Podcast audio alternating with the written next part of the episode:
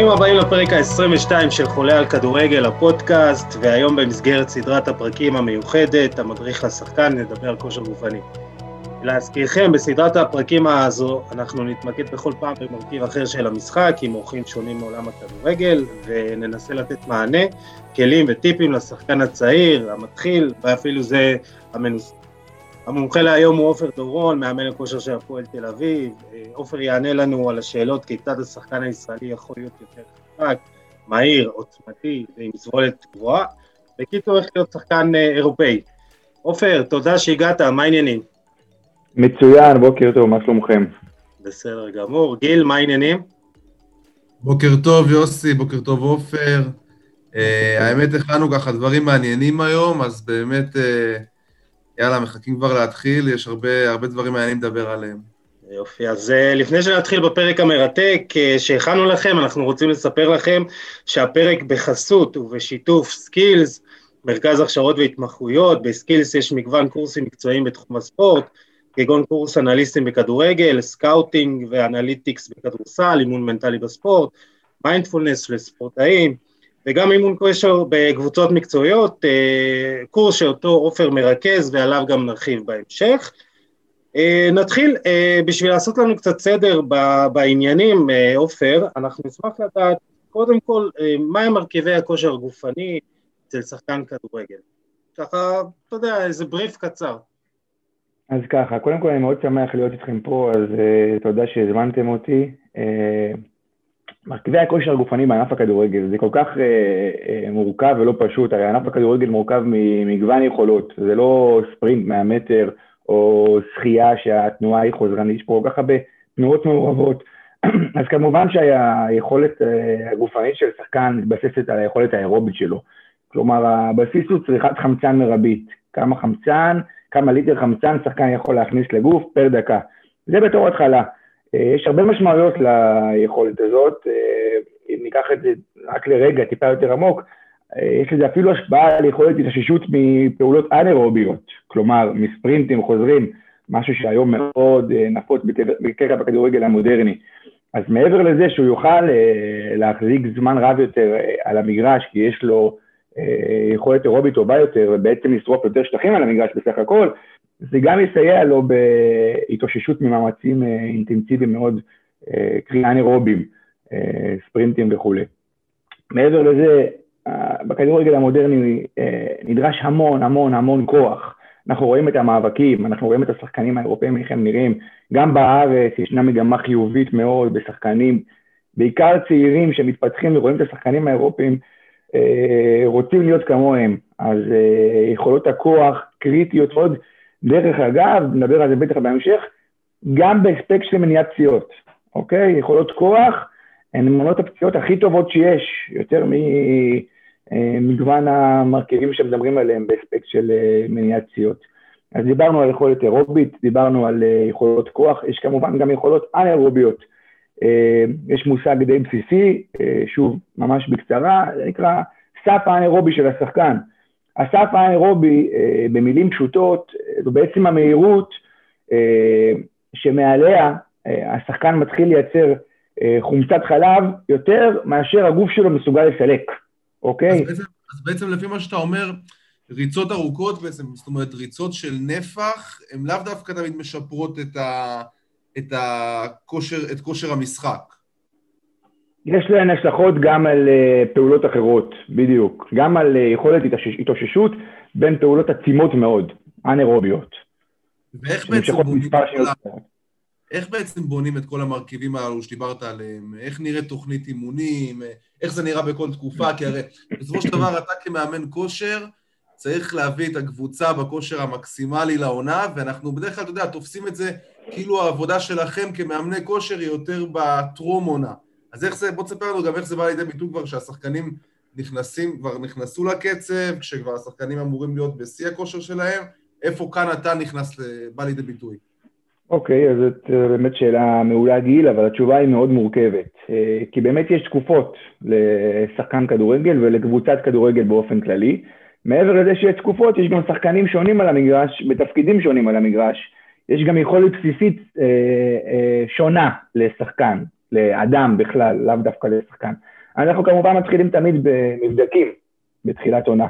מבדקי יכולת, יכולות גופניות, גם מבדקים אירוביים, כלומר בדיקת צריכת חמצן מרבית במעבדה, שממנה אנחנו כבר גוזרים את הסף האנאירובי, כבר מקבלים ממש מאותה בדיקה את שני הפרמטרים החשובים האלה, ועוד לא מעט מרכיבים אני מרוויח מהבדיקה הזאת.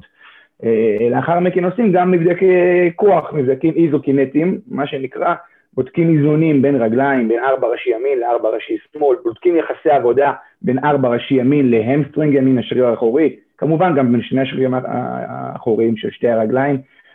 אה, ואז אנחנו אה, מתקדמים ליכולות כוח, מה השחקן יכול לתת לי מבחינת כוח. סליחה, הפריעו לי פה. אה, קצת הוציאו אותי מריכוז. בקיצור, ואז אנחנו מתחילים לעבוד. יש לכל שחקן יכולת בסיסית, אוקיי? אני אף פעם לא עובד בצורה הומוגנית לחלוטין בקבוצת כדורגל, אוקיי? אה, איפה אנחנו נעבוד בצורה הומוגנית? אה, כש, כשנכניס את זה לכדורגל עצמו, למגרש, אוקיי? כמובן, כל אחד יעבוד בתפקיד שלו, אבל כשניקח קבוצת כדורגל וננסה לפתח יכולת אירובית לצורך העניין, אז לא כולם יעשו אצלי אותו דבר אף פעם, אוקיי?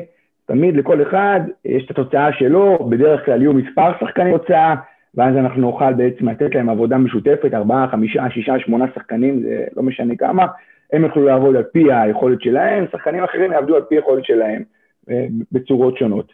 אותו דבר במרכיב הכוח, אני מגלה דברים שונים אצל שחקנים, אז אה, שחקנים יקבלו תוכניות עבודה שונות.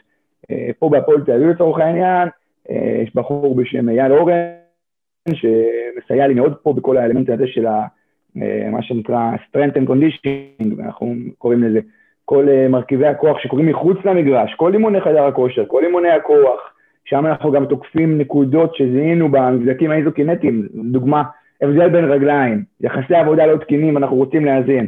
אז מעבר ליכולת בסיסית של כוח שגיליתי אצל שחקן ואותה אני כמובן רוצה לטפח תמיד ולשפר, אה, לכל הפחות, אם לא לשמר, אז uh, אנחנו גם נתקוף נקודות תורפה, uh, ובעצם ננסה כבר, כבר, עוד בתחילת העונה, למנוע פציעות עתידיות שאנחנו חוששים שיכולות לקרות.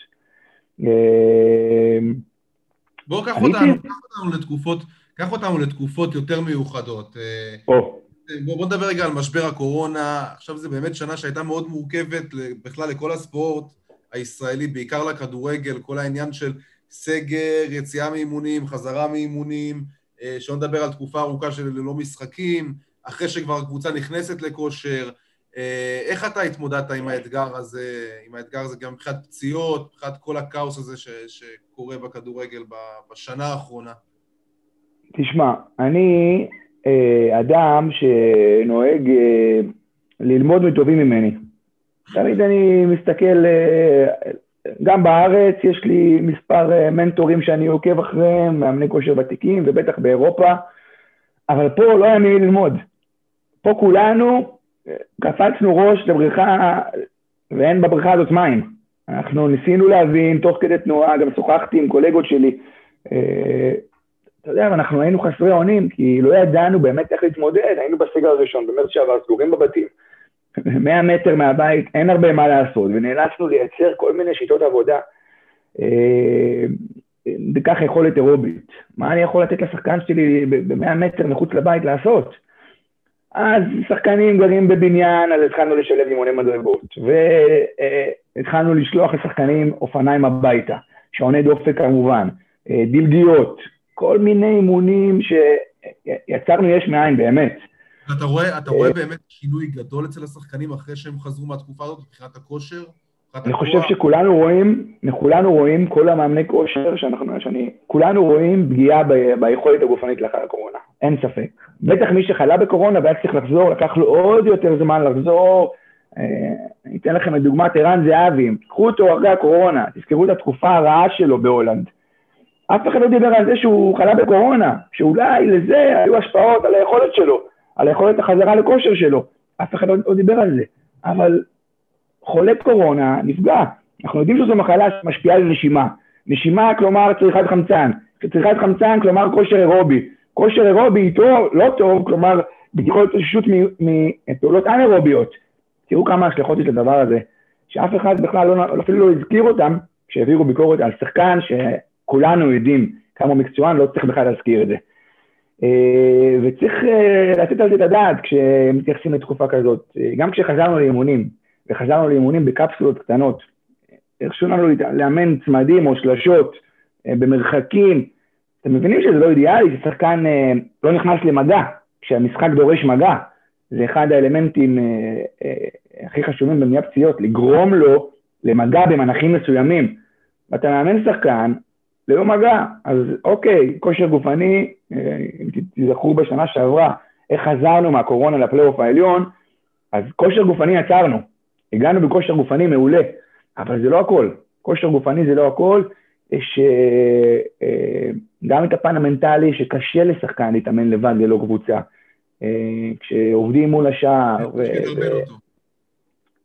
אין, אין מה שידרבן אותו, נכון, אין לו תחרות. הוא מתחרה, אתה יודע, אני זה שצריך להניע אותו, ובאימון הראשון אולי זה נחמד, בשני ובשלישי גם, כי הוא היה רעב לחזור. אפשר לגנוב פה, לגנוב שם, כאילו, אין באמת פיקוח על זה. אז בוא נגיד שגופנית הוא לא יכול לגנוב לי, כי יש לו GPS על הגב, ואני, העיניים שלי עליו כל הזמן, קשה לו לגנוב אותי גופנית, אבל אין, אין drive, אין משחק. בוא, בסוף השחקנים אוהבים לשחק כדורגל, ודרך אגב, זו גם אחת השיטות שאנחנו משתמשים בה לשיפור הכושר הגופני, במיוחד במהלך העונה. גם בטרום עונה וגם במהלך העונה, אנחנו נדבר על זה אולי קצת בהמשך. אה, אבל זה היה אתגר מטורף, מעבר ליכולות כוח שנפגעו, מסה שלילית ירדה, שחקנים אומנם אכלו בבית, אבל ירדו במשקל כי הם איבדו מסה, כלומר יחסי גוף השתנו, אחוז שומן עלה, מסה שלילית ירדה, אין להם מספיק משקולות בבית, אין להם חדר כושר ללכת אליו. זה משהו שגם היינו צריכים להתמודד איתו. פתאום העבודה דו-צדדית, צריך להמציא המון תרגילים חד-צדדיים כדי שירימו את העומס על, ה, על הגפה התחתונה לצורך העניין, אם אנחנו מדברים על רגליים כרגע. כן. זה היה אתגר מטורף. אז אנחנו ראינו באמת שזה אה, בא לידי ביטוי ב, ביותר פציעות, בקצב במשחקים שהוא נמוך יותר, אה, הצורך ברוטציה של שחקנים היא הייתה אה, גדולה יותר, עומס משחקים של אפילו שלושה משחקים בשבוע, אז אה, איך באמת מתנהלים בתקופה הזאת מבחינת אה, אה, תכנון עומסים? זה דורש היערכות מוקדמת, נכון?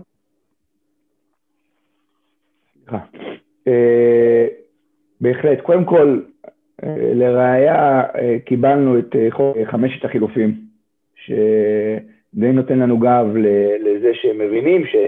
שהעומס חייב להתחלק בצורה יותר שווה בין שחקנים. שבכדורגל המודרני העניין של חמישה חילופים זה משהו שכבר, זאת אומרת, היה צריך להיכנס בלי קשר לקורונה, שזו החלטה נכונה. בוודאי, אם רוצים לראות כדורגל טוב יותר, רוצים לראות שחקנים טריים יותר על המגרש, רוצים לראות אה, קצב מהיר יותר, תחשוב חמישה חילופים לחצי הרכב, אוקיי? בדרך כלל, רוב השחקנים יהיו שחקני התקפה, כלומר, תחשוב מה זה עושה למשחק. חמישה שחקני התקפה, או שלושה לכל הפחות, ייכנסו במחצית השנייה. בדרך כלל, קצב של המשחק יכול להישאר זהה, ממש יכול להישאר זהה במהלך 90 או 100 דקות. אה, לגבי אה, אה, הכנה של שחקנים ובקרה, זה היה מאתגר מאוד, זה היה מאוד מאוד מאתגר, כי א', לא היה לנו הרבה זמן, כשהתחילו כבר המשחקים, לא היה הרבה זמן לאמן. תחשבו, שניים או שלושה משחקים בשבוע, שיש חמישה חילופים, כלומר הרבה יותר שחקנים משחקים, צריך לאושש אותם אחרי המשחקים.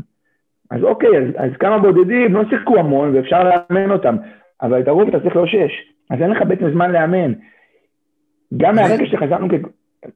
אני אומר, כן? אני אישית חושב שדווקא כל, הטרלול הזה, במרכאות, שקרה לכדורגל הישראלי בשנה האחרונה עם הקורונה וכל העומס של המשחקים, וזה באמת, אני חושב שזה עשה טוב לכדורגל. אנחנו רואים, אה, אנחנו רואים מגוון רחב הרבה יותר שחקנים, גם כל העניין של הרוטציה, אה, פתאום שחקנים צעירים, אה, פתאום גם הקצב, גם הקצב בעיניי, ממה שאני רואה דווקא כן עלה.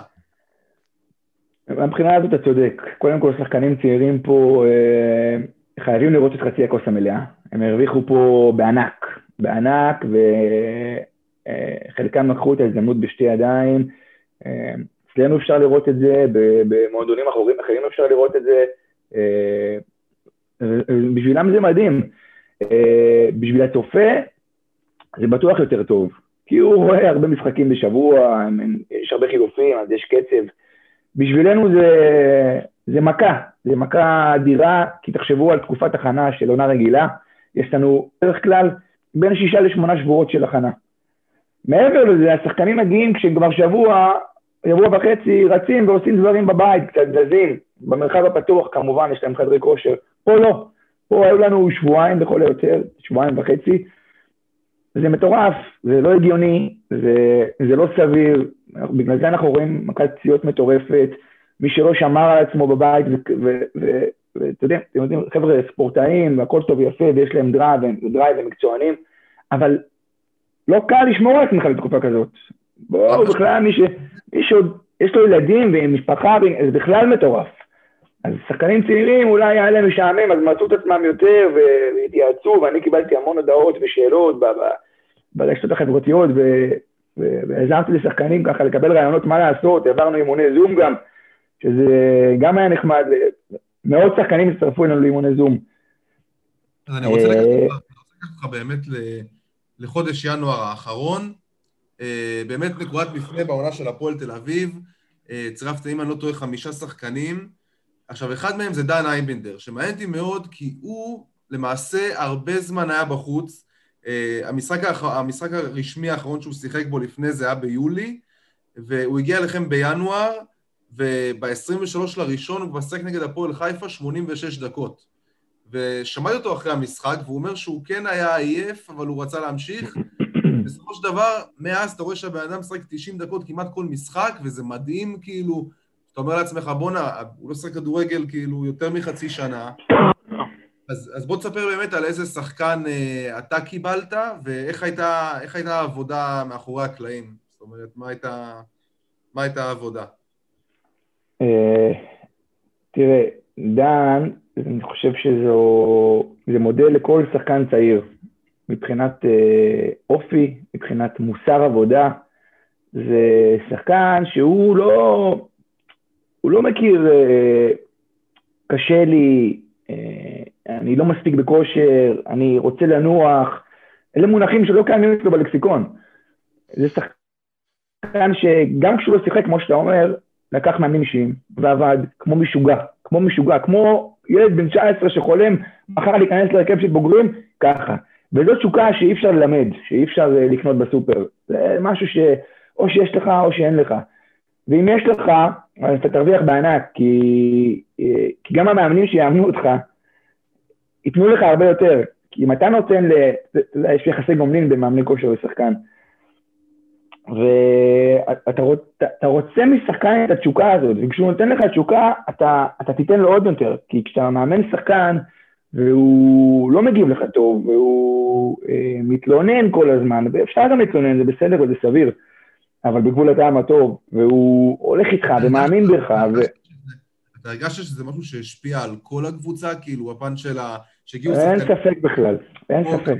כמו בן ביטון, כאילו, שחקנים, גם בקטע של האימוני כושר, ראית ששחקנים יותר מבינים מה הם צריכים לעשות, מה... כאילו, הביאו מהניסיון שלהם... חד משמעית כן, חד משמעית כן. אה, גם שני שחקנים, כל כך הרבה ניסיון, וכל כך באמת הרקורד שלהם כזה עשיר. ששחקנים צעירים פה, אה, מסתכלים עליהם ועושים אותו דבר. ועד היום, דרך אגב, עד היום. כאילו הם רואים אותם מתאמנים כל כך בשיא הרצינות והם לא יכולים להרשות לעצמם לזייף. אני, אני אגיד לך יותר מזה, היו גם אימונים ש... גם דן וגם בן הרימו את הכל למגרש על, אה, על שחקנים צעירים, כי, כי לא היה לרוחם איך שלדעתם הם מתאמנים. ואני אוהב את זה. אני אוהב את זה. אני אוהב שחקנים שבאים להתאמן, אז מתאמנים. מאימון צריך להשתפר, צריך להתקדם, צריך לעבוד קשה. אימון הוא לא אה, מקום להעביר בו את הזמן. כאילו, ואתה אומר, זה, אומר זה משהו שהיה חסר לפני שהם הגיעו.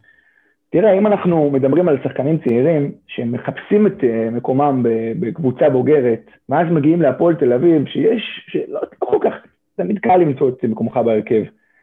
המשמעות של זה היא שאתה מתאמן, המון ולא משחק. זה בשביל מה השחקן חי, אם לא בשביל המשחק. ולפעמים זה מדכא, ולפעמים זה מייאש, ולפעמים אתה מוריד את הראש, ולפעמים אתה גורם לעצמך כבר להוריד קצב באימונים, ואתה פחות, אה, פחות מיינדד לתהליך. וזה אסון לת... לשחקן צעיר, כי שחקן צעיר שלא מבין, שיגיע הרגע שלו, וכשיגיע הרגע שלו, אם הוא לא מוכן לזה, פיזית, פיזיולוגית, מנטלית, פשוט יחרב לעצמו קריירה שלמה, כי ברגע האמת הוא לא יהיה שם, ויכולות הוא לא יוכל להביא. אז אם הוא לא מתאמן כמו משוגע, אף על פי שהוא לא משחק, זה לא משנה, הוא, הוא לא יצליח. ופה אה, אה, הם נכנסו לתמונה חזק מאוד, כי אתה יודע, פתאום בא מישהו חדש, כביכול אולי אה, שבע, עבר, תארים, קבוצות גדולות, מועדונים גדולים, זה מראה משהו אחר, מראה שזרקו אותי משם, זה לא מעניין אותי. אני, הרעב שלי כזה ענק, שאני בא לפה, וזה מעבר חד, אתם יודעים, שני השחקנים שעליהם דיברנו, זה מעבר חד מאוד מה שהם עשו. אחד ממכבי תל אביב, אחד מבית"ר ירושלים, זה מעבר שהוא לא קל לשחקן. אה, בטח במצב שאנחנו היינו בו, שהוא ממש סכנת ירידה, אז לבוא עם כל כך הרבה תשוקה ורעב, ו- ולצטוק על שחקנים, כי אני לא מוכן לרדת ליגה, לא, לא, לא בגב שלי, לא, לא במשמרת שלי. פה לא ירדו ליגה, אתם תבינו, אתם תתנו פה את הנשמה ואת הלב, ואת הפצוע ואתה תשחק, וראינו את בן עם כתף אה, פרוקה, חוזר לשחק, ולא מוותר, ואלה שחקנים שאנחנו מחפשים, כל מאמן מחפש. שחקנים רעבים שלא מוותרים, שבאים לעבוד, שבאים לצאת עם דשא בין השיניים בסוף אימון. ככה אנחנו רוצים לראות שחקנים. כן, בהחלט עשיתם אה, רכש אה, מרשים ב- בינואר, אה, וזה נותן את אותם. אני רוצה לקחת אותך, עופר, לתפיסה של הדמות של מאמן הכושר. אם, אתה יודע, פעם מאמן כושר היה זה הדמות הרעה הזאת שמריצה שחקנים ללא כדור, תחילת אימון, סוף אימון, אתה יודע, אימון הכושר היה חלק נפרד מהאימון של הקבוצה. היום, היום מאמן לכושר תופס חלק הרבה יותר משמעותי. גם במהלך האימון, גם בתהליך הבנייה של, של תוכנית האימונים, של אה, חלוקת העומסים, אה, גם מבחינת התכנים, גם מבחינת אפילו רמת אה, כמה דקות שחקן יכול לשחק במשחק. אז בעצם כל האימון הופך להיות תחת האחריות שלו. כאילו אי אפשר להפריד את החימום, עבודה על כושר גופני והמשחקון בסוף האימון. כלומר, גם המשחקון בסוף האימון זה אימון כושר, במרכאות. גם אימון הטכניקה זה אימון כושר.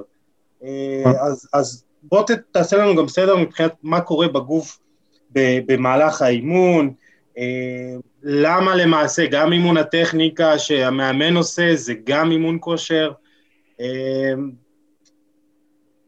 קבל. אוקיי, אוקיי. אז uh, ככה, קודם כל uh, דיברנו על זה קצת בתחילת השיחה, אנחנו מחלקים את העונה לתקופות שונות.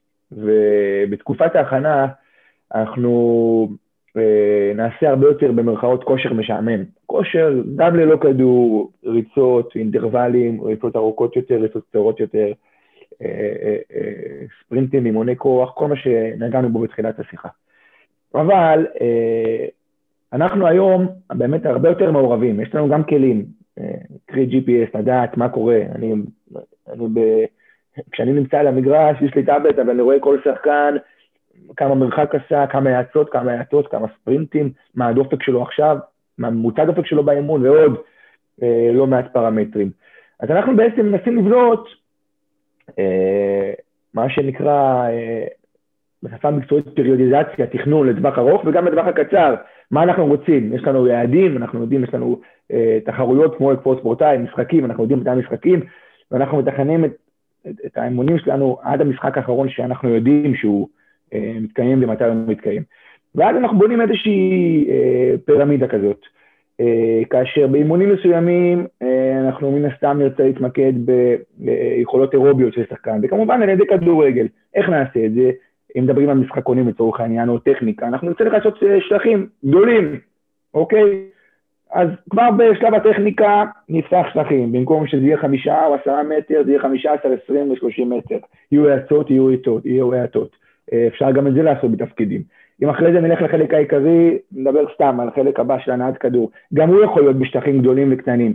וגם פה אנחנו כבר יודעים שבשטחים קטנים אה, אנחנו מפעילים הרבה יותר אלמנטים של כוח. אז אם המטרה שלי תהיה ביום מסוים אה, דווקא לתת לשחקנים עבודת כוח ועושים עבודת כוח בחדר כושר, אני מראש כבר אגיד למאמן, תשמע, אני רוצה מחר שטחים קטנים, אנחנו עושים עבודת כוח לפני האימון, בוא תקשר אותך, התוכן שלך, התוכן שלי, בוא נעשה גם עבודת כוח ספציפית על המגרש, כלומר שטחים קטנים, מספר שחקנים מועט, הרבה מגע גוף, הרבה מאבקים, אה, וכשהעבודה היא יותר רובית אז אנחנו נפתח יותר את המגרש, לאו דווקא כולם ישחקו באותו מגרש, אבל המגרשים יהיו יותר גדולים. אנחנו מנסים להביא בעצם את האימון ליחסים זהים לזה של המשחק.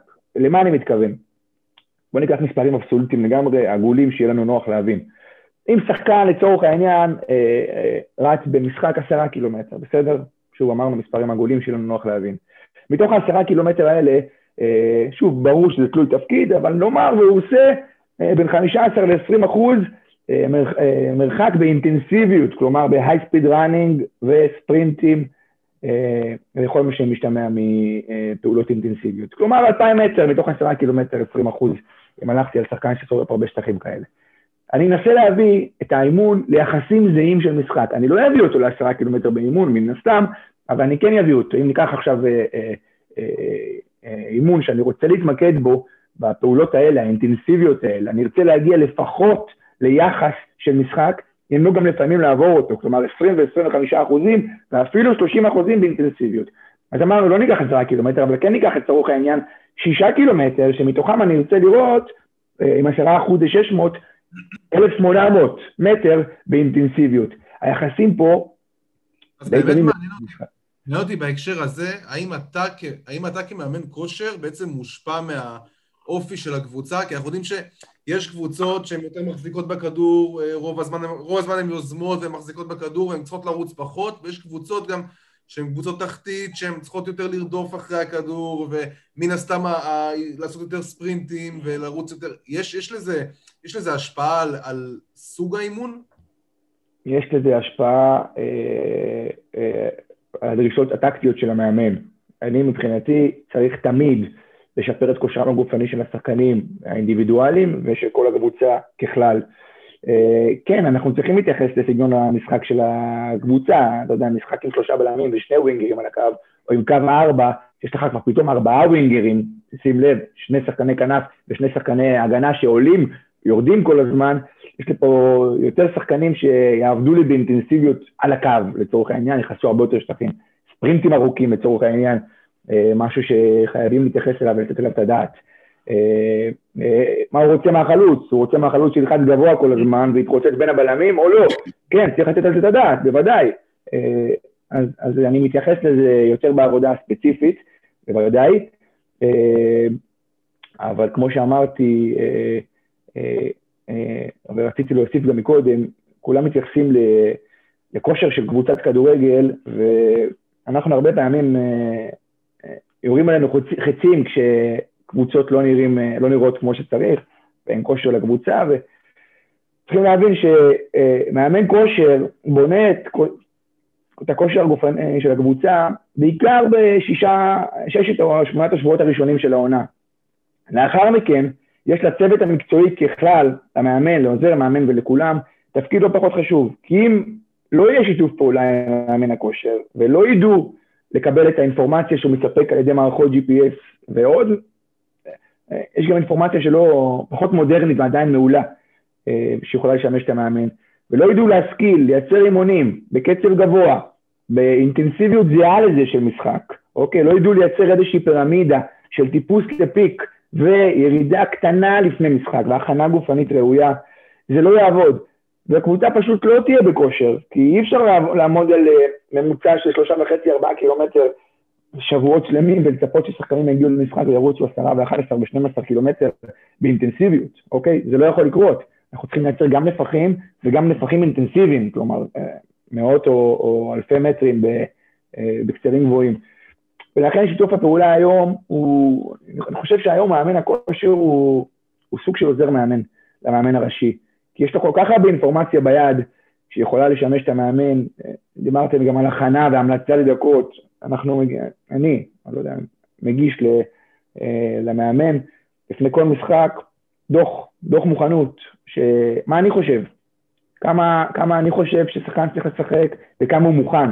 ממש מדרג לו את זה בין 1 ל-10, הוא מקבל מספר, שחקן, מספר דקות מומלץ ורמת מוכנות מבחינתי. וכן, יש לפעמים שאני ממליץ לשחקנים מה לעשות, לשחק מעט או לא לשחק בכלל, או לשחק מעט ורמת המוכנות שלהם לא גבוהה. רמת המוכנות נובעת גם מבחינת, אתה מדבר על, על רצון, או שאתה מדבר על, על אה, נטו על הפן הפיזי, כאילו דברים שאתה מזהה באימון? אז אני אקח, לפני שאתה עונה, עופר, זה באמת אה, לוקח אותנו לשאלה הבאה. הזכרת את ה...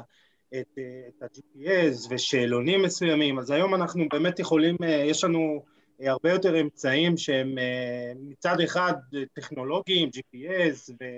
וצ'יפים ובדיקות אה, מעבדה ודברים כאלה, ויש לנו את האמצעים הכי פשוטים, שזה באמת שאלונים שאתה שולח לשחקנים לפני אימונים ואחרי אימונים, משחקים וכדומה, שאתה באמת אה, אה, יכול לגלות על השחקנים מבחינת האם הוא מוכן לאימון.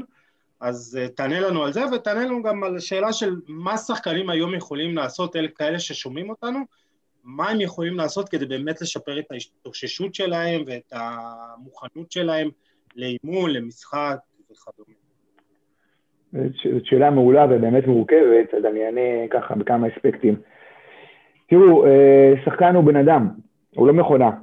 אה, אני לא יכול להתייחס אליו כאל מכונה, כאל מחשב. כלומר, להוציא נתונים מצ'יפ ולהגיד למאמן, תראה, ככה הצ'יפ אומר לי, המחשב מראה לי שהוא עשה ככה מרחק השבוע, ככה ספרינטים השבוע, זו רמת המוכנות שלו. אני צריך לשאול את השחקן שלי, איך אתה מרגיש? מה קורה? אולי יש איזה משהו שאני לא רואה במכונה הזאת, ב-GPS הזה. אה, ולכן כן, השחקנים שלי עונים אה, מדי יום על, על שני שאלונים שונים. אחד ממש בבוקר, ברגע שבו הם מתעוררים, שאלון שנותן לי אינדיקציה על מצבם הגופני וגם המנטלי, דרך אגב, עוד לפני שהם מגיעים למתחם. כבר עכשיו, בשעה כזאת, מי שמתעורר, מקבל מיד תזכורת לנייד, אנחנו עם אפליקציה מאוד מתקדמת, אה, והם שולחים לי שאלונים, כמה שעות הם ישנו בלילה, אה, אה, מה הייתה איכות השינה שלהם, איך הם אכלו אתמול, כמובן אם כואב משהו, אם יש איזושהי בעיה ספציפית, וגם מה רמת המוכנות שלהם לאימון, אוקיי? כמה הם מוכנים בדעתם לאימון. ובנוסף... כאילו, איך ששחקן אומר לך, אני לא מוכן לאימון? בוודאי, ועוד איך. תאר לעצמך אה, שחקן, אה, תיארת את אייבינדר שלא שיחק הרבה זמן, ומגיע, ופתאום רץ 90, 90, 90, 90, ארבעה משחקים. איך אתה חושב שהוא מרגיש אחרי המשחק, יום, יומיים אחרי המשחק? הגוף שלו צועק לשמיים, תאושש אותי. אז הוא לא יכול להתאמן יום ויום, מה זה לא יכול? הוא חייב להתאמן, אבל בצורה מאוד, אה, מאוד מבוקרת ואישית, אוקיי? כדי לאושש את עצמו. אז, אז אני מקבל את השאלון הזה כבר אה, לפני האמון מדי יום. אני גם מסכם את זה כממוצע שבועי, לראות כמה שעות הם ישנו. אגב, שינה זה אחד הדברים הכי חשובים לספורטאי. כן. תכף נדבר על התאוששות, אה, מה ששאלת יוסי. אה, ובנוסף, אה, יש להם שאלון נוסף שממלאים לי לאחר כל אימון, כל יחידת אימון. בסופה הם ממלאים לי. זה שאלון שנקרא RPE, questionnaire, הוא מדרג את הרמה הסובייקטיבית לחלוטין של דרגת הקושי של השחקן, אה, איך הוא חווה את האימון? כמה היה לו קשה? היה לו קשה בין 1 ל-10, 2 או 8? זה קריטי מאוד. אני מנסה לעשות קורולציה בנתוני ה-GPS שאני קיבלתי למה שהשחקן מדווח לי. אני חייב, חייב, חייב לשתף את השחקנים בדברים האלה, כי, כי זה גוף אנושי, ואתם יודעים, דמיינו לכם אה, אה, אדם נשוי שנולד לו תינוק או תינוקת, אה, מספר ימים לפני, והוא לא ישן בלילה כמו שצריך. ואנחנו היום הגענו לאימון אינטנסיבי, שאני מצפה ל-1,500-2,000 מטר בקצבים גבוהים. ברור לכם שאני חושף אותו לפציעה אקוטית פה. וכן, האחריות פה עליי במקרה הזה. האחריות היא עליי, ולכן אני חייב, חייב uh, להתייחס לשחקנים שלי גם uh, בפן הזה. דיברנו על uh, התאוששות. תראו, יש לי התאוששות אה, כמה אספקטים, אבל יש כמה דברים מאוד ברורים שקצת מתעלמים מהם הרבה פעמים. אה, ולא צריך בשביל זה כלים אה, מיוחדים. לצורך העניין, משקל הגוף שלך. השחקנים שלי, בכל בוקר כשהם מגיעים למתחם, הם נשקלים, אוקיי? כשהם מסיימים את האימון, בכל יום, הם שוב נשקלים, אוקיי? אני רוצה לדעת כמה נוזלים השחקן שלי איבד במהלך יחידת האימון הזאת, אוקיי? בדרך כלל זה בגרמים, אוקיי? אבל לפעמים תתפלאו זה גם בקילוגרמים, בטח בימי הקיץ החמים. לא, לא, אני שמעתי על, על הולק מברזיל, על האלק, הולק, שהוא איבד ח, חמש קילו מ, מ, במשחק, מזיעה. אז, זה יכול להיות דבר כזה? אז זה המון, חמישה קילוגרם זה המון, אבל כן, יש דבר כזה, וזה הגיוני, כי הם משקיעים כל כך הרבה אנרגיה. זה בהנחה, נגיד חמישה קילוגרם זה מקרה קיצוני שאולי נבע מתוצאה שהוא לא החזיר נוזלים במהלך המשחק, והוא לא שתה כמעט, יכול להיות. בדרך כלל שחקן גם שותה במהלך אימון או משחק, אז הוא כבר מחזיר לעצמו נוזלים תוך כדי פעילות. אבל זה, אה, זו פעולה מאוד פשוטה ששחקן יכול לעשות. הוא יכול להישקל לפני יחידת אימון, יכול להישקל לאחר כשהוא מסיים את האימון שלו, לראות כמה נוזלים הוא איבד, וההמלצה היא לשתות כפול, כלומר, איבדת חצי קילו, תשתה ליטר, כפול בליטרים כמובן. אז זה דבר אחד. דבר שני, דיברתי על שינה. שינה זה אחד האלמנטים הכי קריטיים בהתרשות של שחקן. הגוף נח, הגוף מאושש את עצמו, הגוף זה מכונה, בטח כבר מבינים את זה, מטורפת. שיודעת לטפל, שהגוף יודע לטפל בעצמו, והגוף אה, אה, אה, מאושש את עצמו מאימון לאימון, אבל צריך, צריך לדאוג לזה וצריך לטפל בזה. ולאתלט אה, בכיר היום אה, ממליצים לישון אה, לכל הפחות שבע שעות שינה בלילה, ההמלצה היא שמונה שעות בלילה, אוקיי? זה לא תמיד קורה מגורמים שונים, אבל זה, כן. זה אחד הדברים החשובים. תזונה, כמובן, תזונה היא, היא ערך עליון ב, בהתאוששות של שחקן. אה, ואסור לזלזל בזה. אני מאוד ממליץ, כבר לתזונאים, לספורטאים צעירים, לצעירים, להתייעץ עם תזונאים מוסמך.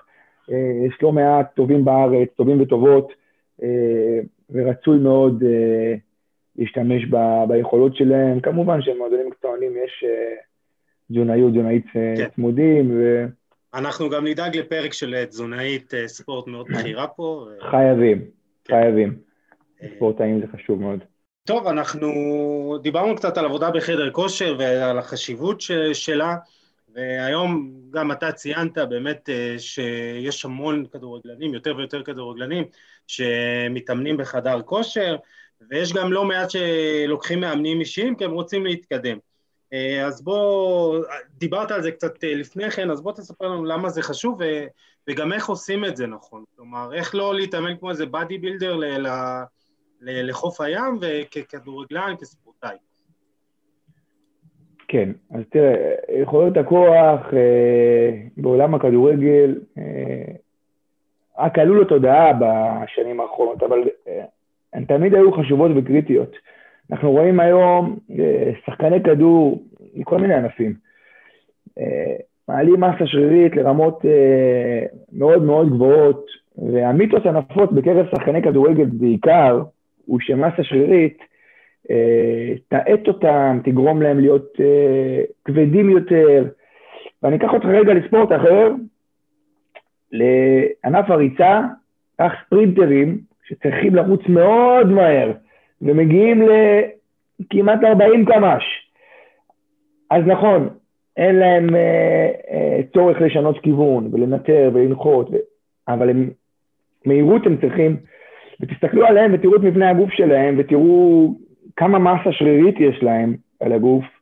זה כבר, אה, אני חושב, מספיק כדי לנפץ את המיתוס של אה, מסה שרירית תעשה אותך כבד, אוקיי? אנחנו רואים גם את, אנחנו רואים גם את אה, אדמת טראור מוולפס.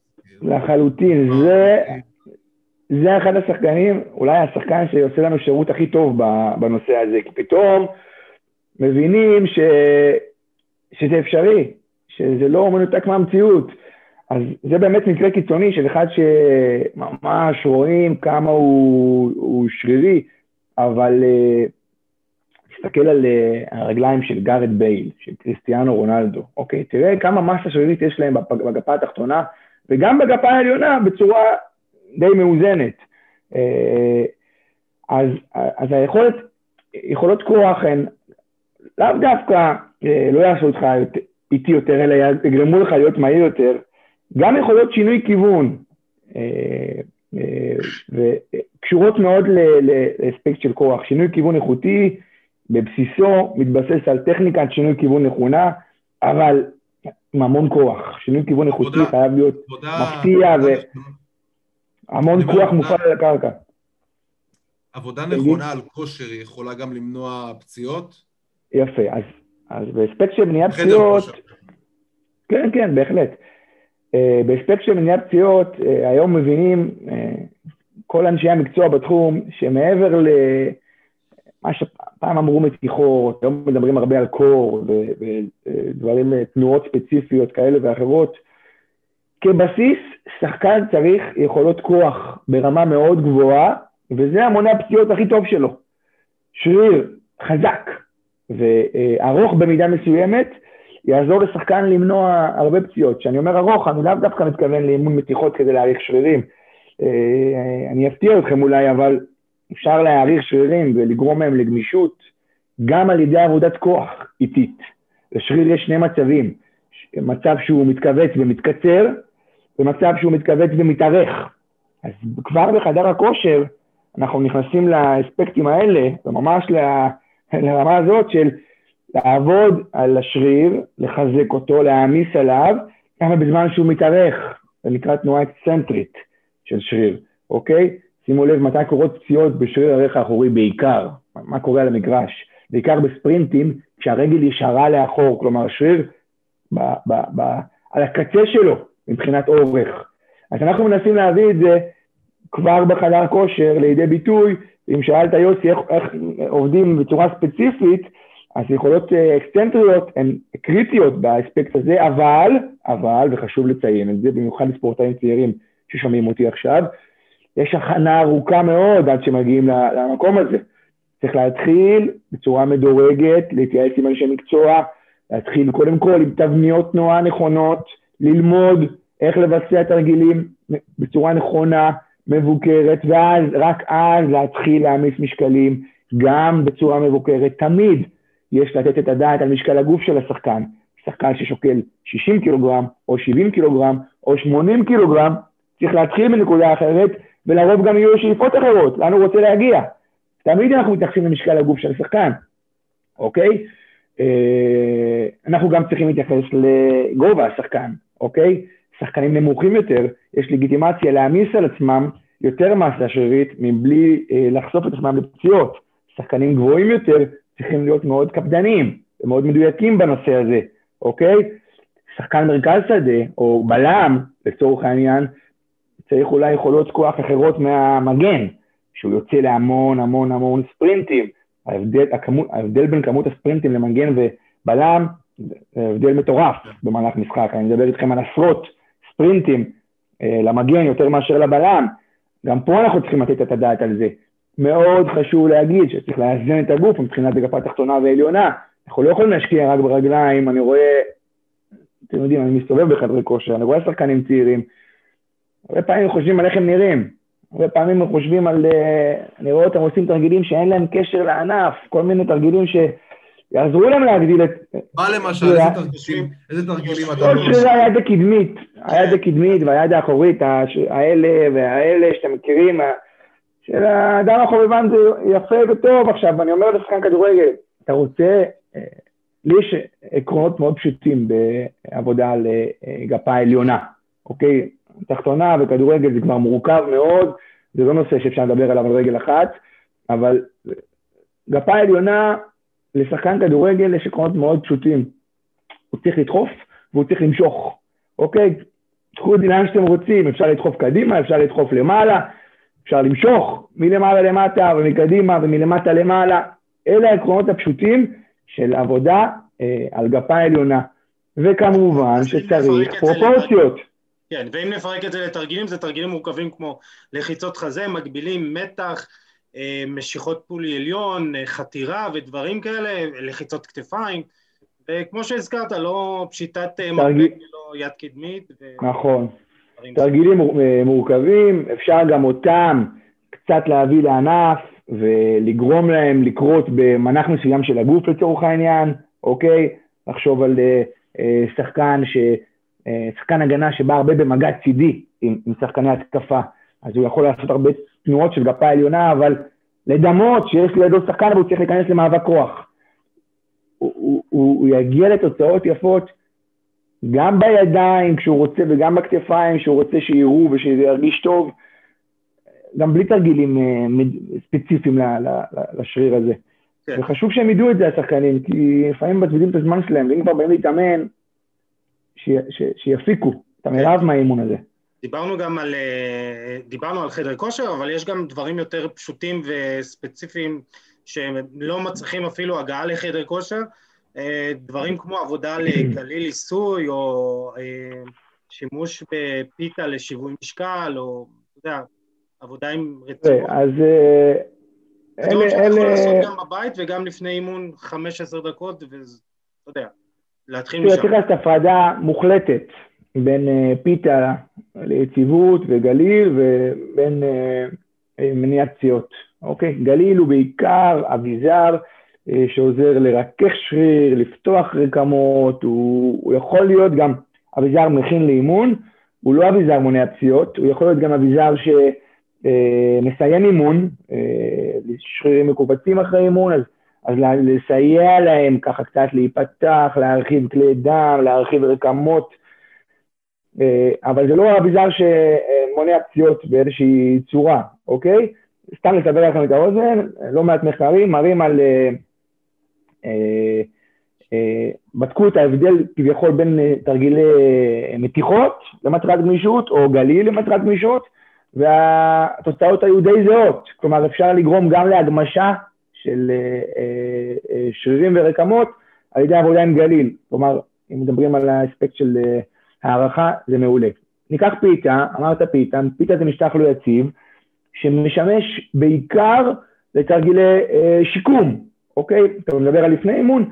כן, אפשר להשתמש בו גם לפני אימון. שחקנים שיש להם, אה, שנוקרים את הקרסול הרבה פעמים לצורך העניין, ורוצים מעט ככה לתחזק אותו לפני האימון ולהכין את עצמם לפני אימון, אז הם ישתמשו במשטח לא יציב. זה לא אלמנט מונע פציעות, זה לא אלמנט מחזק, ואי אפשר להתבסס על הפיתה כאיזה אביזר שישפר לך יכולות המגרש. לא. דרך אגב, במאמר מוזר, עכשיו אם כבר דיברנו על הכנה לאימון, אני מאוד ממליץ לכל ספורטאי באשר הוא ששומע אותי עכשיו, תמיד לייצר לעצמו רוטינה לפני אימון, 15, 20 דקות, 10 דקות, תמיד לייצר לעצמו רוטינה לפני אימון כהכנה, אה, כהכנה טובה, לכל אחד יש נקודת תורפה.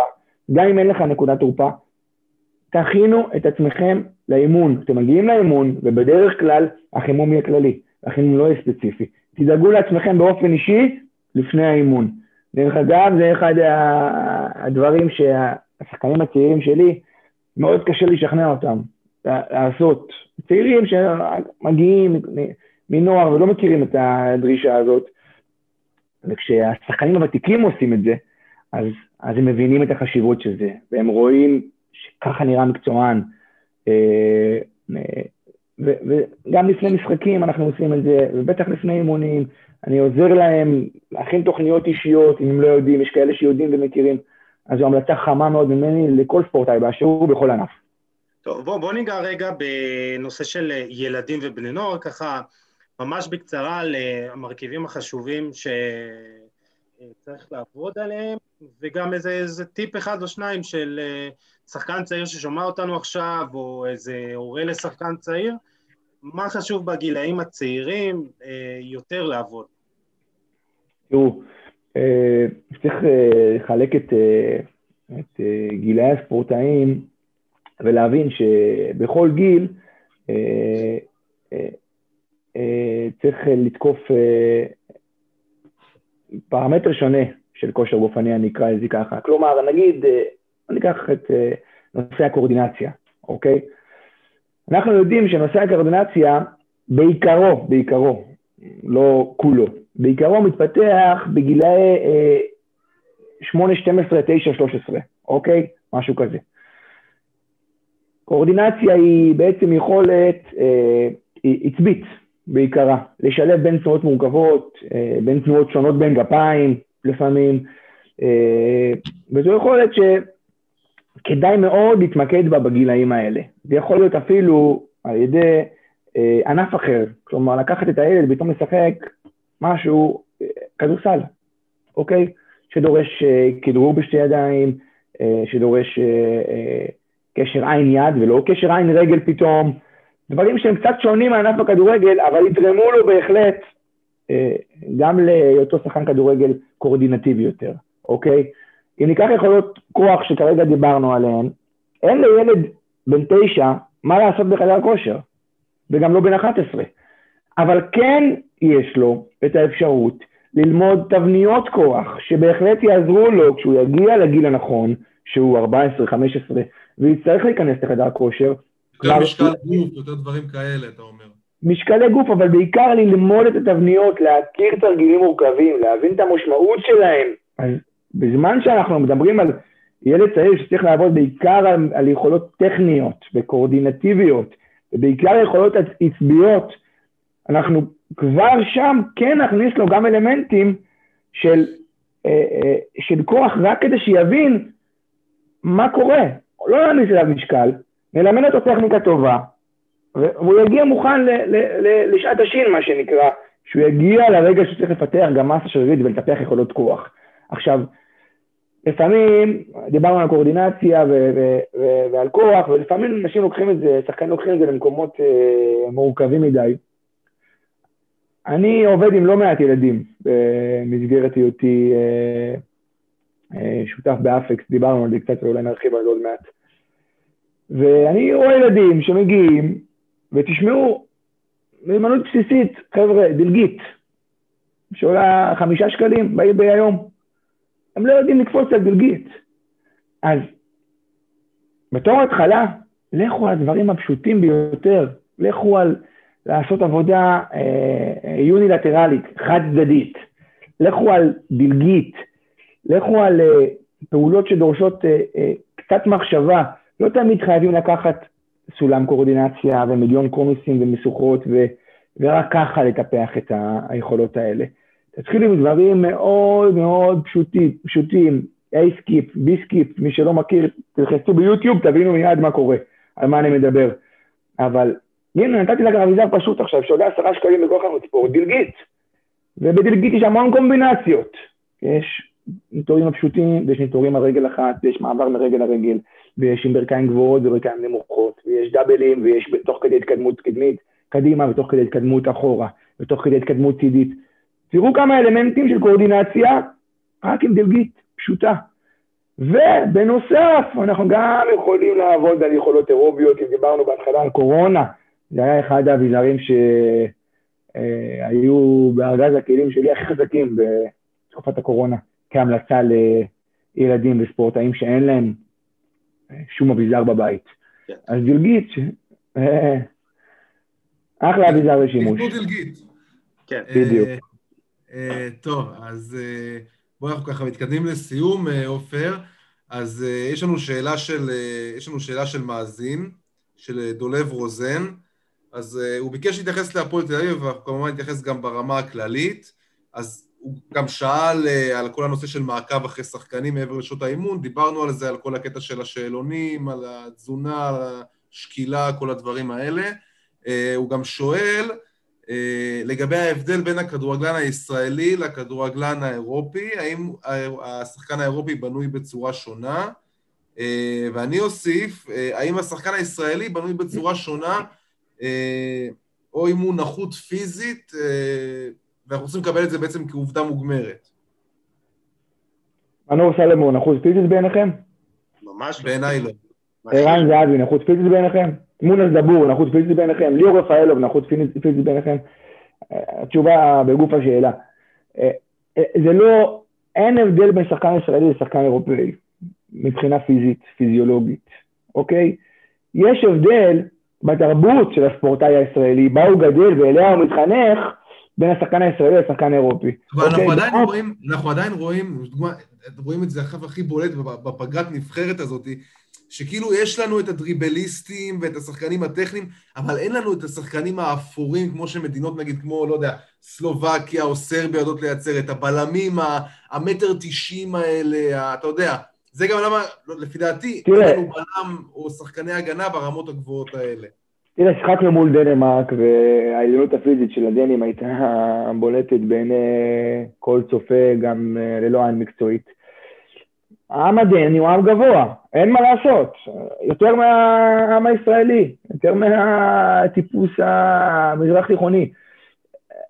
אין, אין, אין מה לעשות. אה, אה, הם יותר גבוהים ואנחנו יותר נמוכים. זה לא אומר שהם יהיו שחקנים יותר טובים בהכרח. מסי לא גבוה וגם לא איניאסטה, אוקיי? כדורגל זה לא כדורסל. לא צריכים להיות גבוהים כדי להיות שחקנים טובים. צריך מוסר עבודה, צריך אופי, צריך חינוך מבית וממועדון, להבין שבכל יום אני משקיע 150 אחוז מעצמי כדי להיות טוב יותר מאתמול. זה הכל. זה כזה פשוט. יש אנשי מקצוע כל כך טובים בארץ, באמת, באמת, כל כך טובים בארץ, שפשוט צריך להשתמש בהם. ואני גם אפילו אתן פה איזה קריאה למאמנים הצעירים שמתפתחים. תנו אמון במאמני כושר שלכם, תנו להם צ'אנס, תקשיבו להם, תקשיבו מה יש להם להגיד. אנשים הולכים ומשקיעים כל כך הרבה כסף וזמן ולומדים וקורסים והעשרות ותואר ו- ומקשיבים לפודקאסטים ויש כל כך הרבה אה, אינפורמציה ברשת שאנשים לומדים ממנה. אנחנו יודעים. תנו לנו לעזור לכם בסך הכל. אנחנו יודעים שגם אתם יודעים, אתם מאמנים ואתם מעולים, אבל לאנשי המקצוע פה יש הרבה מה לתרום. יש אנשי מקצוע מעולים בארץ, מעולים. לא פחות טובים מבאירופה, אני אומר לכם. לא פחות טובים. אז אני קורא מפה לכל אה, בעלי הקבוצות וראשי הכדורגל בארץ, אה, להאמין באנשי המקצוע יותר וביותר אנשי מקצוע. אוקיי? זה מתקשר לפודקאסט של אורי קופר ויוסיפוביץ', הפודיום, וקופר דיבר שם על עניין התקציב, שעניין התקציב זה 99 אחוז שחקנים ו-0.0001 לאנשי מקצוע, אם זה אנליסטים, אם זה מאמני כושר, אם זה תזונאים, אם זה כל המעטפת הזאתי, ואני פונה לפה לכל מי שיש לו קבוצת כדורגל וראשי הכדורגל בארץ, להאמין יותר אה, במעטפת ולתת מעטפת שהיא רחבה יותר. אה, אז זו הקריאה שלי. אה, עופר, הבטחנו לדבר גם על הקורס שאתה מרכז ומעביר. בוא, נשמח אם תספר לנו קצת עליו, מה לומדים, למי הוא מיועד וכדומה. כן, קורס בשיתוף עם, סקילס. אנחנו בעצם, תראו, אני בעצמי עשיתי לא מעט uh, קורסים ועשיתי שני תארים בווינגייט ולמדתי, השקעתי המון שנים כדי ללמוד. Uh, אבל בפועל, כשיצאתי לשטח לעבוד בתור מאמן כושר, יצאתי uh, ולא... לא היו לי כלים אמיתיים. הכרתי כושר גופני, ידעתי איך מטפחים יכולות אירוביות, אנאירוביות, יכולות כוח, מה דורש הענף, ובאמת, למדתי מאנשי מקצוע מעולים. אבל במסגרת הקורס הזה, אני רוצה לעזור למאמני כושר מתחילים, אה, או גם לא מתחילים, אבל אה, שעוד לא הגיעו לגבהים בקריירה שלהם ורוצים לטפס. ואני רוצה לתת להם כלים, כלים לעבודה, כלים לתכנון, אה, דיברנו על טרום עונה במהלך עונה, כלים לתכנון נכון, לבניית תוכנית עבודה נכונה, כלים לבקרה, בקרת עומסים, זה נושא אולי הכי חם היום. אנחנו מדי יום אה, מייצרים מספרים, אה, גם ללא GPS, אמרתי לכם, אני משתמש בכלים פשוטים גם. אני רוצה להראות לשחקנים, למאמנים האלה, איך אפשר, גם עם אפס תקציב, על ידי אקסל וורד ווואטסאפ ודברים מאוד פשוטים, לבנות תוכנית עבודה, לבקר את העומס של השחקנים, לדעת לתת למאמן אינפורמציה על העומס של השחקן הספציפי ושל הקבוצה בכלל. אה, ללמד אותם מה אנחנו עושים במבדקים שאנחנו עושים, למה אנחנו עושים את המבדקים האלה ומה אנחנו עושים איתם, איך אנחנו מוציאים אותם לפועל בעבודה בשטח. אה, כשאני הייתי מאמן כושר צעיר, אז uh, הסתכלתי, תמיד הלכתי לראות מאמנים בכירים בקבוצות, הייתי גם בחמש וחצי ובשש בבוקר, רק כדי להספיק לראות איזה יחידת אימון, אם זה היה בווינגייט, או אם זה היה אה, ב, בשכונת התקווה, או זה היה בכל מיני מקומות, בנתניה, ו, ואני רוצה לתת לה, למאמנים האלה גם אופציה, ככה, אתם יודעים, אפילו לבוא ולראות אימונים, שלי, למה, ולשאול תמיד מה קורה מאחורי זה, אני גם מפה אתן עוד איזה קריאה קטנה למאמנים, תשאלו, למה? למה עשית מה שעשית? אם לא תשאלו, תלכו ליוטיוב, תצפו באימונים של, של אין סוף מאמני כושר אחרים. תשאלו, כשיש לכם את האפשרות לבוא במגע עם מאמן כושר, ואנחנו נביא שם אנשי מקצוע, אנחנו נביא אנשי מקצוע, אנחנו אה, אה, נביא גם אה, שחקן שייתן את נקודת המבט שלו מאיך, מה הקשר, איך הוא רואה כושר גופני בקבוצת כדורגל, מה הוא עושה בשביל זה, ונביא גם אנשי מקצוע נוספים שייתנו ככה את, את, את, את דעתם ויציגו את אופי העבודה שלהם. וזה, אני חושב שקורס שמי שיצטרף אליו יעשיר את עצמו ויקבל, הכי חשוב, כלים לעבודה, פשוט כלים לעבודה. אז זה קורס שכן שנפתח בקרוב, אני מאוד מתרגש להתחיל דרך חדשה גם ב, ב, באספקט הזה של הקריירה שלי. אה, יש לי עוד המון תשוקה ורצון גם להעביר הלאה מה שאני יודע וגם לשאוב אה, עוד אינפורמציה וידע מטובים וגדולים ממני. זה כאילו, זה בדרך כלל, בדרך כלל באמת אנחנו רואים מאמני כושר של קבוצות כאילו גם עושים את הדברים האלה מהצד, כאילו תמיד, תמיד יש כמה עיסוקים, תמיד יש גם את הקטע של אימונים אישיים וגם את, ה, את הדברים מהסוג הזה. תראה, אני, אה, זה נכון, זה נכון. אה, אני, במסגרת אה, השותפות שלי באפריקס, אנחנו מפתחים שם שחקנים צעירים, ואני חייב להגיד לך שכל כך התעסקתי בספורט המקצועני והתחרותי כל כך הרבה שנים, שלא הסתכלתי ימינה-שמאלה בכלל. ופתאום הפרויקט הזה, שעוזר לשחקנים צעירים, שלא תמיד מצליחים לקבל בקבוצות, סיפוק אחר, ואתה רואה, אתה ממש, אתה יודע, זה כמו פלסטלינה ביד היוצר. אתה, אתה, דיברנו על דלגית שמגיעים ולא יודעים, ואני אני בשוק מזה. ש... אני אומר לך שהילד שלי בן שלוש וחצי, הוא יודע מה זה דלגית. כבסיס, לא כי אני רוצה שיהיה ספורטאי תחרותי, כבסיס ליכולות בסיסיות של החיים. אז בטח שחקן כדורגל שמגיע וחווה מאמן כושר אה, אה, אה, שעובד עם שחקנים בוגרים בליגת על ומקצוענים, ומקבל ממנו, ו, וממש עוזר לו להתפתח. זה, זה מדהים, זה, זה סיפוק אחר לגמרי. אז עכשיו אני נכנס פה לנישה הזאת של הקורסים, אבל מבחינתי זה לגמרי אה, אה, על אותו, אה, על אותו משקל כמו לפתח שחקנים צעירים באפקס, אז, אז פה אה, לעזור למאמני כושר צעירים, זה מה שאני יודע לעשות הכי טוב, זו התשוקה שלי בחיים. אה, אני שמח מאוד שאני עובד במה שאני אוהב, ואני קם בכל בוקר לדבר הזה, שאני חושב שכל אחד היה רוצה לעשות. לעשות פשוט מה שאוהבים. אה, אז תעשו מה שאתם אוהבים, שחקני כדורגל, כל יום, כל הזמן, וכמה שיותר. תתעסקו בזה. פחות בשטויות, יותר בדברים שאתם אוהבים לעשות, אתם אוהבים את זה. לגמרי, לגמרי. טוב, אנחנו אה, מסיימים. אני רוצה להזכיר לכם שסקילס נותנים את החסות אה, והפרק אה, בשיתוף אה, סקילס. אה, אם אתם רוצים לשמוע פרטים על הקורס של אה, עופר, אה, אימון כושר לקבוצות מקצועיות, קורס אנליסטים בכדורגל או כל קורס אחר, באמת קורסים מעניינים, ייחודיים ומרתקים, אתם מוזמנים לשלוח הודעה פרטית לדף או לבקר בדף הפייסבוק של סקילס, באתר של סקילס.